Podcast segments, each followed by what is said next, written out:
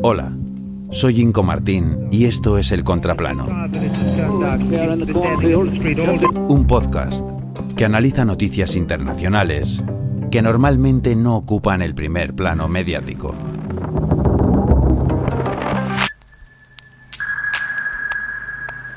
La invasión de la pitón birmana.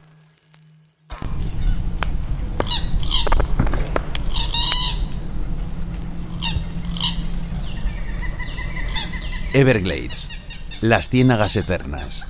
Así es como se llama el Parque Nacional ubicado en el sur de Florida, declarado Patrimonio de la Humanidad por la UNESCO en 1979. 6.104 kilómetros cuadrados de humedales únicos en el mundo, que dan cobijo a cientos de especies, flamencos, garzas, cocodrilos, nutrias, manatís, ciervos o pumas entre otros. Así es como sonaba este lugar. Y así es como suena ahora.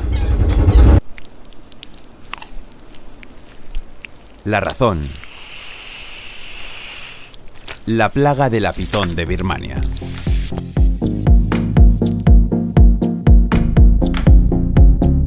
Restos de hasta 73 especies diferentes se han hallado en los intestinos de las pitones birmanas que habitan en los Everglades, desde pequeños roedores hasta enormes ciervos, lo cual ha llevado a que el equilibrio del ecosistema de la zona se tambalee. La pitón birmana es una especie invasora que puede llegar a medir hasta 6 metros y pesar más de 100 kilos. No venenosa, nocturna y experta nadadora, los manglares de los Everglades se han convertido en su edén de caza y reproducción. Una capacidad de reproducción calificada por expertos como potencialmente muy alta, lo que unido a su variada dieta la ha llevado a convertirse en la reina de la zona y en una plaga imposible de controlar.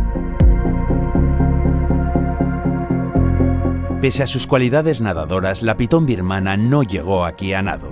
Llegó en la década de 1970 de la mano del negocio de las mascotas. Se deslizó a las manos de los compradores y tras el triple salto mortal de emoción, cansancio y abandono, pasó a convertirse en irresponsabilidad humana a nivel supremo, situando con ello a decenas de especies autóctonas entre los colmillos de la extinción.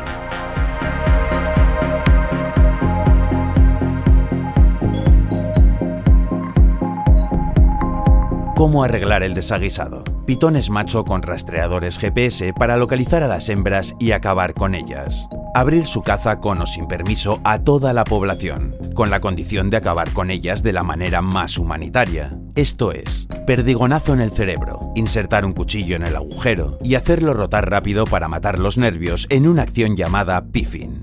También tenemos la estrategia Made in Cultura del espectáculo USA, la Florida Python Challenge, un concurso de 10 días con un premio de 10.000 dólares para el que más pitones cace. Y a juzgar por la foto del último vencedor, es difícil dilucidar si su triunfal sonrisa es de diversión o de conciencia medioambiental.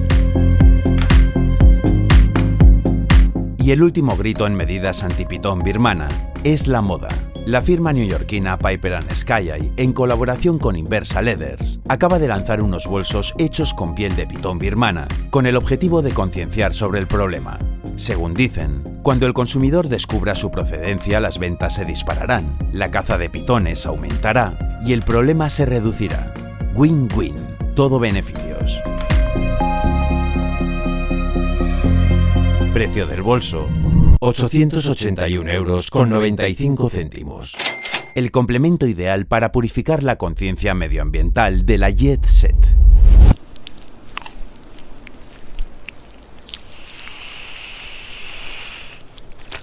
Con tal nivel de recursos, tal vez no quede otra que esperar a que la propia naturaleza busque el equilibrio por sí sola, por medio de su sabiduría.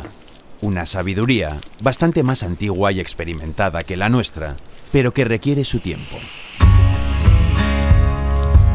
Una sabiduría que parece que hemos dejado de lado arrastrados por, entre otras cosas, por la cultura de la inmediatez, esa por la que nos deslizamos de la mano de las nuevas tecnologías y que ahonda aún más en nuestro progresivo desapego de la naturaleza.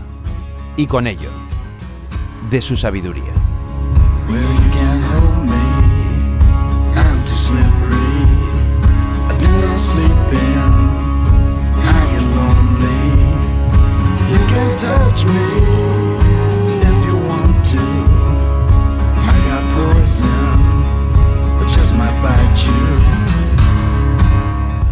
Guión, locución y diseño sonoro. Inco Martín. Música. Kiasmos. Throw.